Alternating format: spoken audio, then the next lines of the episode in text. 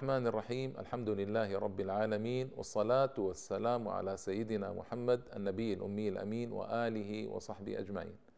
أما بعد الإخوة والأخوات السلام عليكم ورحمة الله تعالى وبركاته. وأهلا وسهلا ومرحبا بكم في هذه الحلقة الرابعة عشرة من برنامجكم الحملة الفرنسية على المغرب. آه واليوم أتحدث عن ثورة رجل عظيم وجهاد مجاهد جليل جاهد آه، الإسبان جهادا رائعا واستطاع أن يقضي على ثورة بوحمارة التي تحدث عنها من قبل ألا وهو الشريف محمد أميزيان. هذا من شرفاء الأدارسة وكان عالما آه، زاهدا عابدا مجاهدا آه، صاحب صفات جليلة جمعت حوله القبائل في آه، الشرق وشمال الشرق المغربي.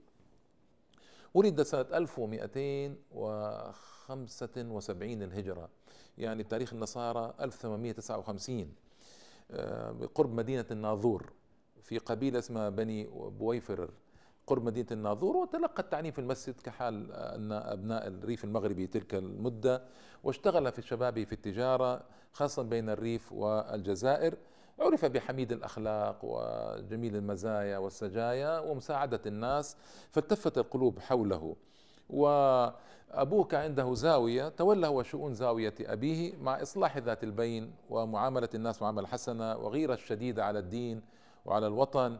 وطبعا هذا موجود عند أهل الريف يعني منذ قديم الزمان ومعروفين بهذا. وكان ذا مهابة في قلوب الناس إلى الدرجة أن إذا سافر فالناس تسير في ركابه قطاع الطرق يحترمونه فالناس تنتهز الفرصة وتسير في آه، ركابه. وكان من كبار الأغنياء وأهل الأملاك فكان يحسن إلى الضعفاء والمساكين فأصبح ذا نفوذ كبير. بين قبائل الريف نفوذ اجتماعي ونفوذ ديني ونفوذ اقتصادي ونفوذ روحي يعني ما شاء الله. آه، استطاع يضع حدا للخلافات المنتشرة بين أهل الريف خلافات بسبب ضعف الوعي وضعف الفهم وضعف الوازع الديني وضعف الحكومة هذا كله يؤدي إلى خلافات بين الناس كثيرة جدا. طبعا هو كان السبب الأول في القضاء على ثورة بوحمارة كما تحدثت من قبل. آه، هو تصدى لأبو حمارة لما وجده رجلا يريد أن يبيع آه، الثروات المغربية للإسبان وبدأ يوقع عقودا معهم وبدأوا يستغلون المناجم وكذا آه، وقف في وجهه جزاه الله خيرا وقف في وجهه وأخرجه من سلوان إلى أن أمسك به وأعدم بعد ذلك بفضل الله ومنته. و بعد أن بعد أن استطاع أن يقضي على ثورة بوحمارة ذهب إلى السلطان عبد الحفيظ ليتفاهم معه ليكون نواة جهادية للأسف ما وجد تجاوبا. فهنا طبعا رجع إلى الريف وقرر أن يبدأ هو. انظروا يا إخوة إلى الروح المبادرة الروح الرائعة الإيجابية هذه. ما السلطان ما استطاع عبد الحفيظ عدة أسباب يعني أن يلبي طلبه آه، للضغوط الصليبيين عليه. طيب أنا أذهب وأعمل وأجتهد.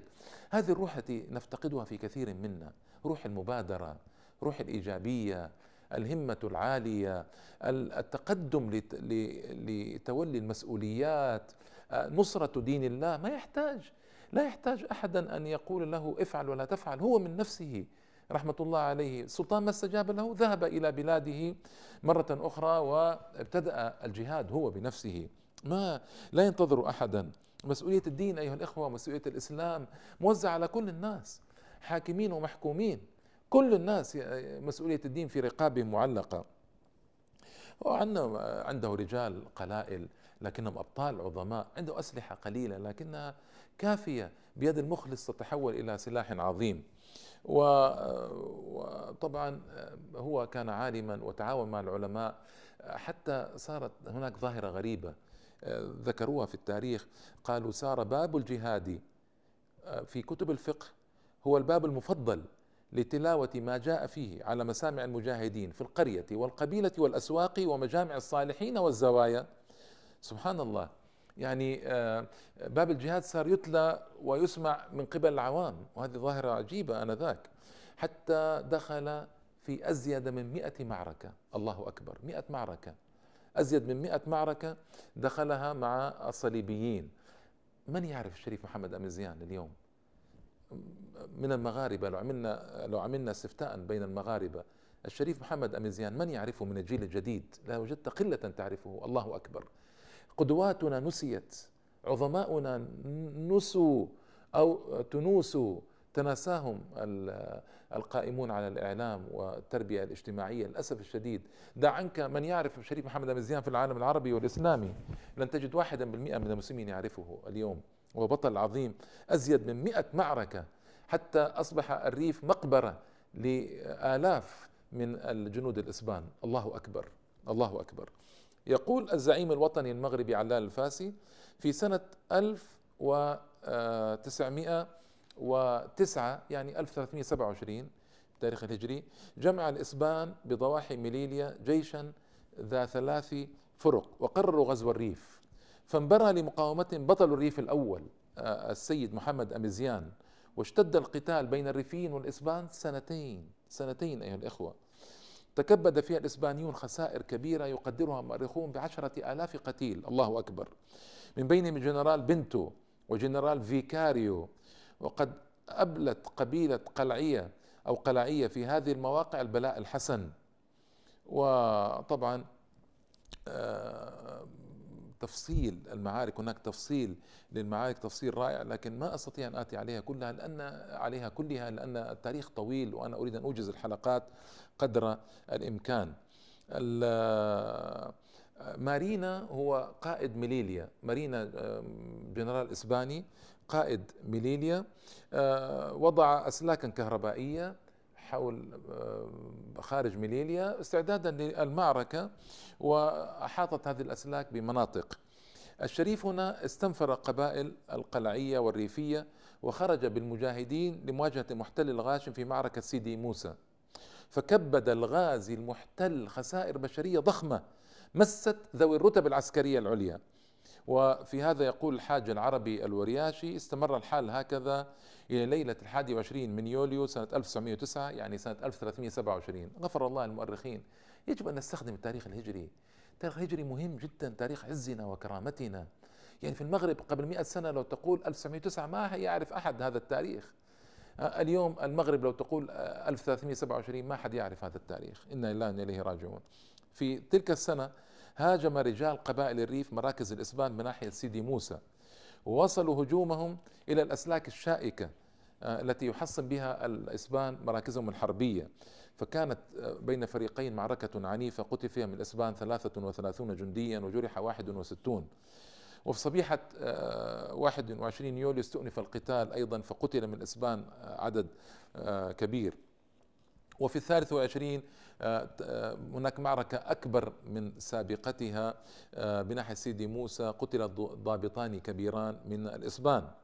طبعا بعد هزيمة جنرال مارينا في معركة سيدي موسى أرسلت الحكومة الإسبانية جنرالا آخر يدعى بنتو على رأس جيش ضخم من أجل سحق المقاومين الريفيين.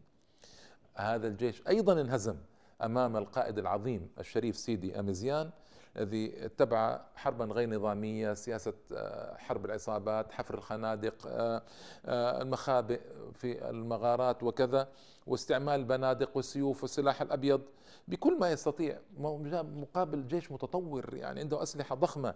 وكانت نهاية هذا الجنرال القتل ولله الحمد جنرال بنته قتل.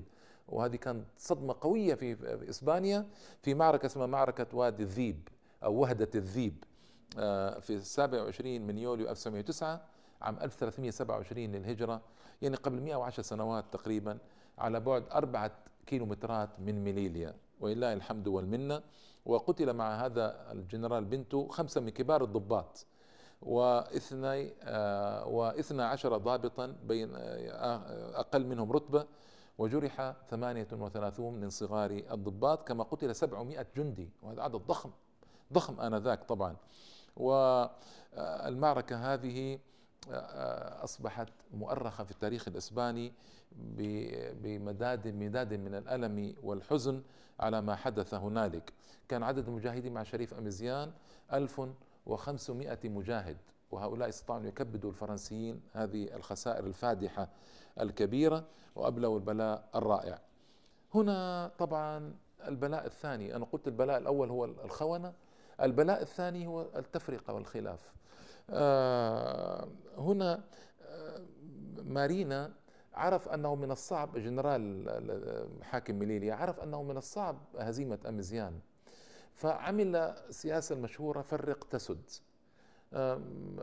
استطاع أن يرشوا بعض أبناء القبائل آه، ليختلفوا آه، مع أميزيان ويخرجوا عن طاعته. وهنا استطاع أن يفرق كلمة القبائل كانت واحدة تحت أميزيان استطاع أن يفرقها جنرال مارينا بالرشاوى المالية. آه، يعني الخونة الخونة في كل زمان ومكان. إنا لله وإنا إليه راجعون. طوال هذه الفترة من 1912 إلى 1919 يعني من 1330 إلى 1337 الهجرة آه، هذا شعار الإسبان. فرق تسد. عملوا على توجيه قبائل بعضها ضد البعض الآخر قاموا بتجنيد الريفيين من المنطقة الشرقية ضد إخوانهم من جبالة في المنطقة الغربية. نقلوا المجندين من جبالة الأسبان إلى الريف للقيام بأعمال ضد الريفيين. إنا لله إنا إليه راجعون.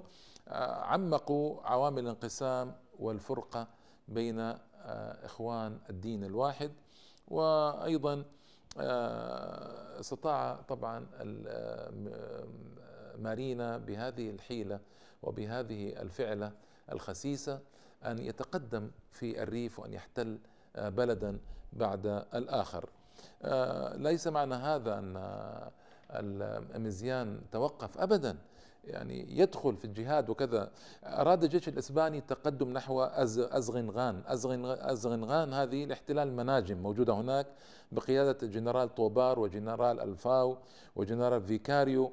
فلقوا هزيمة شنيعة وقتل جنرال فيكاريو والقبطان آه، ريبوي ويعني وتشبه هذه المعركة معركة وادي الذيب وهدة الذيب ذكرتها لكم من قبل وبفضل الله تعالى. لكن كانوا يتقدمون يقتل منهم جنرالات ويقتل من ضباط وجنود ويتقدمون. والسبب أن أميزيان إذا انتصر لا يجد بعد ذلك المعاونين الذين يستمرون معه ويتفرغ للخلافات الموجودة ورد الهجمات من الخونة. إنا لله وإنا إليه راجعون. آه أيضا آه، حاولوا طبعا حاول الأميزيان أن يستنجد بالريفيين أكثر من مرة ونجدوه لذلك انتقم منهم الإسبان في مواقع. يعني أنا أحاول أن أختصر لأن الكلام طويل والوقت لا يسمح. آه، هناك معركة مهمة اسمها ازرورا بقبيلة بني بوغافر التحم فيها المجاهدون بقياده أميزيان مع جيش الإسبان. وانتصر عليهم الريفيون انتصارا باهرا وأسفرت المعركة عن قتل مجموعة من الضباط العسكريين آه، بفضل الله تعالى وأيضا كبار وصغار الضباط أيضا قتلوا. والجرحى والقتلى من الجنود الإسبان كان عددهم كبيرا جدا. معركة إزرورة معركة رائعة وضخمة. ودخل المجاهدون بعدها في عدة معارك مع الإسبان. كان يعني المشكلة أيها الإخوة أنه في ذلك الوقت العصيب في ذروة القتال آه، استشهد استشهد محمد أميزيان آه، في عام 1912 1330 لكن كيف استشهد؟ هنا آه، استشهد على يد خائن قائد مغربي اشترته إسبانيا اسمه محمد حسني كان تابعا لفرقة اسمها ريجولاريس ريجولاريس آه، تحت إمرة آه، كابورال غونثالو ساوكو. يعني خائن تحت إمرة الإسبان. قائد مغربي آه، استطاع أن يتسلل وأن يقتل محمد أميزيان في فاجعة كبيرة. كما قلت لكم الأعداء لا يستطيعون السيطرة علينا إلا بمساعدة الخونة الذين يقتلون قادتنا ويقتلون عظماءنا وأبطالنا. للأسف الشديد بمقتل محمد أميزيان آه، خفت المقاومة إلى أن ظهر البطل العظيم محمد عبد الكريم الخطابي في الريف من جديد وسأذكر لكم إن شاء الله آه، ما فعله محمد عبد الكريم الخطابي في حلقات مخصصة. آثار مقاومة أميزيان في إسبانيا هذا مهم. إيش أثر المقاومة آه، شريف أميزيان في الداخل الإسباني؟ طبعا كان لها دوي شديد من معركة سيدي موسى معركة إزرورة معركة وادي الذيب معركة كذا. كان لها أثر كبير على الناس في إسبانيا. أثر سلبي طبعا الرأي الإسباني المحلي سواء كان في ميليليا أو في إسبانيا في الداخل. و أسفر أسفر هذا هذه الهزائم أسفرت عن ازدياد المعارضة الشعبية داخل إسبانيا. يعني كان يقولون إن الإسبان القادة لشعوبهم لشعبهم كانوا يقولون لشعبهم إن ذهابنا إلى يعني الريف للنزهة. نزهة فقط نأخذ البلد مثل النزهة. فوجدوا أنها ليست نزهة أو حملة يسيرة إنما هي حرب حقيقية ضروس أزهقت كثيرا من الأرواح آه، لجنود الإسبان. وتخوف الشعب الإسباني من استمرار هذه الحروب التي كلفت الدولة الكثير من الأموال والبشر. لذلك انتفض الشعب في برشلونة في 25 يوليو إلى 31 يوليو من سنة 1907 يعني 1327 سمي هذا الأسبوع بأسبوع المأساة أو التراجيديا. هنالك في آه، في إسبانيا. حتى أن يعني العجب أمر مضحك إسبانيا بدأت تتهم تركيا وألمانيا بأنها هي التي تمول محمد أميزيان وتساعده سرا بالسلاح. حجة العاجز وإلى من أين تصل تركيا أو ألمانيا إلى محمد أميزيان وتمده بالسلاح؟ وتركيا كانت آنذاك في نهايات عهدها آه، وفي آه، دركها وضعفها في آه، حالة صعبة. ما تستطيع تنجد أحدا. و المغرب تحولت إلى مقبرة لآلاف الجنود الإسبان وهذا أدى إلى طبعا انتفاضة في برشلونة وفي مختلف المدن الأسبانية. حيث حرضت الأحزاب الاشتراكية الرأي العام الإسباني ضد الحرب ودعته للمعارضة والوقوف وجه الرأسماليين الإسبان الذين يريدون التوسع في شمال المغرب في الريف. وحدثت أمور كثيرة في إسبانيا آه، وتنامت الروح الثورية ضد آه، ضد هذا الغزو الهمجي الإسباني إلى آه، بلاد الريف شمال المغرب. واتهم الرأي العام الإسباني القيادات العسكرية العليا بأنها هي التي خلقت ظروف هذه الحرب من أجل الترقي في التراتبية العسكرية. وقالوا أنتم تريدون الحرب لمجد شخصي وإلا هذه الأموال التي أنفقتموها في المغرب كنا نحن أي الشعب الإسباني في مس الحاجة إليها. وسقطت حكومات بسبب آه، جهاد الشريف أمزيان وأهل الريف.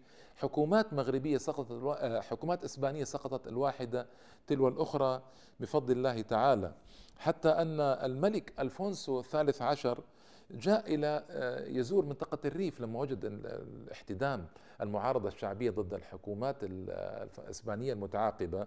الملك ألفونسو الثالث عشر بنفسه جاء إلى ليزور آه، الريف الإسباني وليثبت الناس الريف المغربي أعني ويثبت الناس وليعطي انطباعا بأن الأمور تحت السيطرة وأن الأمور آه، سهلة ويسيرة. ولكن هذه القضية أصبحت تؤرق الرأي العام الإسباني. وبدأ البرلمان الإسباني وزعماء الأحزاب السياسية ينصحون إسبانيا بالتخلي عن مشروعها الإمبريالي التوسعي. لا داعي لا داعي لهذا. آه، أنتم تتكبدون خسائر فادحة. آه، الجيش الإسباني يقتل بالآلاف. آه، لا داعي لما تفعلونه. الأموال تصرفونها في شمال المغرب نحن أحق بهذه الأموال. يعني مثل بمثل هذا وجهوا بمعارضة كبيرة جدا. على مستوى طبعا آه، مدينة ميليليا لأن المعارك كلها قريبة من ميليليا. أربعة كيلومترات وخمسة كيلومترات وعشرة وعشرين وثلاثين يعني في محيط مدينة ميليليا المعارك. بسبب هذه الخسائر المتكررة آه، استقال جنرال مارينا حاكم ميليليا لأن لأن ما استطاع أن يوقف الهزائم المتكررة. قلت لكم أن الشريف أميزيان دخل في أكثر من مئة معركة صغيرة وكبيرة يعني مع الإسبان. طيب ومئات معركة بل أكثر هزائم متتالية. نعم يتحركون ويستولون على بعض البلاد بسبب التخاذل بسبب التفرقة بسبب الخونة. لكن في النهاية يقتل لهم آلاف الجنود ويقتل لهم ضباط كبار. والرأي العام الإسباني في ميليليا وفي إسبانيا ضد المعركة. الرأي العام الشعبي ضد المعارك وضد آه، توسع إسبانيا في المغرب لأن إسبانيا في ذلك الوقت لابد أن نعرف الأخوة والأخوات أنها كانت دولة من الدرجة الثانية في أوروبا. يعني دول الدرجة الأولى كانت إنجلترا وفرنسا وألمانيا كما هو معلوم. أما إسبانيا وما يماثلها من الدول الضعيفة هذه دول درجة ثانية. فما عندها القوة ولا الثروة ولا المال يمكنها أن تتوسع مثل ما تصنع فرنسا مثل ما تصنع إنجلترا مثل ما تصنع ألمانيا. هذا أمر معلوم. وكان كانت إسبانيا تحاول أن تخبئ كثيرا من الأخبار الهزائم لكن يصل خبر يصل. في ميليليا أيضا الرأي العام في ميليليا كان ضد الأمر هذا ويرون بأم عيونهم أن الأميزيان ومعه يتقدمون وكانوا يخشون على ميليليا نفسها آه، أن تسقط.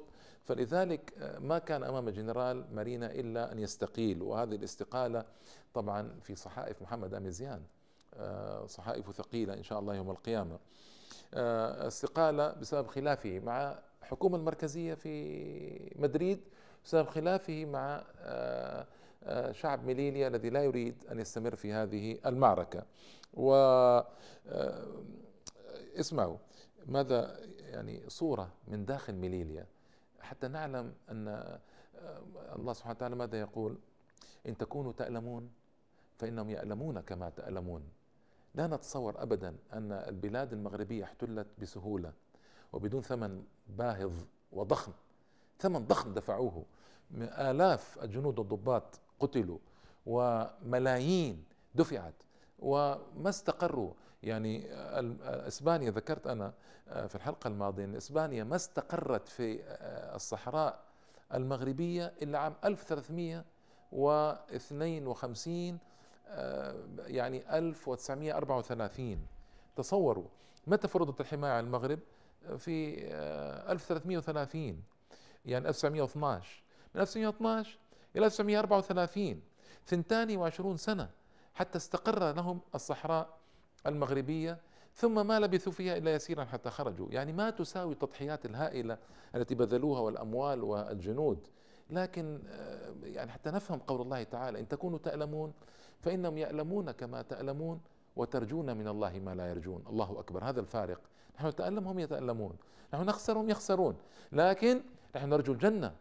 هم هم سيستقبلون النار بإذن الله تعالى. هذا الفارق العظيم بيننا وبينهم فضل الله. انظروا آه، الداخل ميليليا كيف كان الوضع؟ كان مأساويا. عمت حالات الرعب والاستياء بها بسبب القضاء على جيش قاعدتها العسكرية.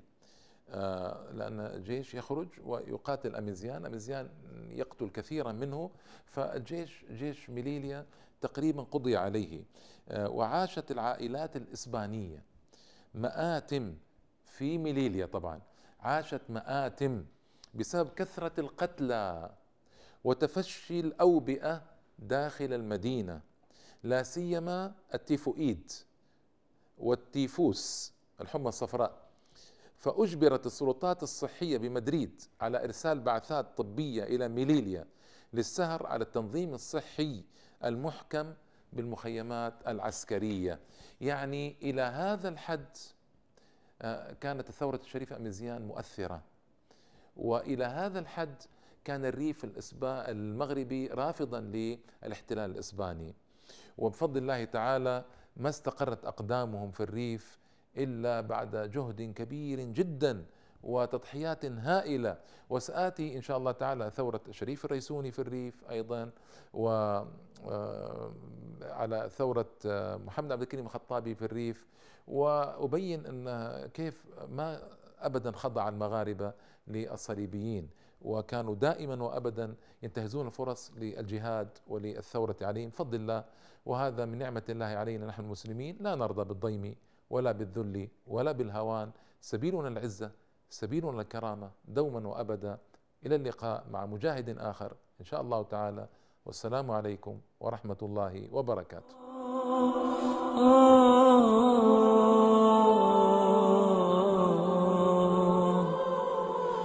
Oh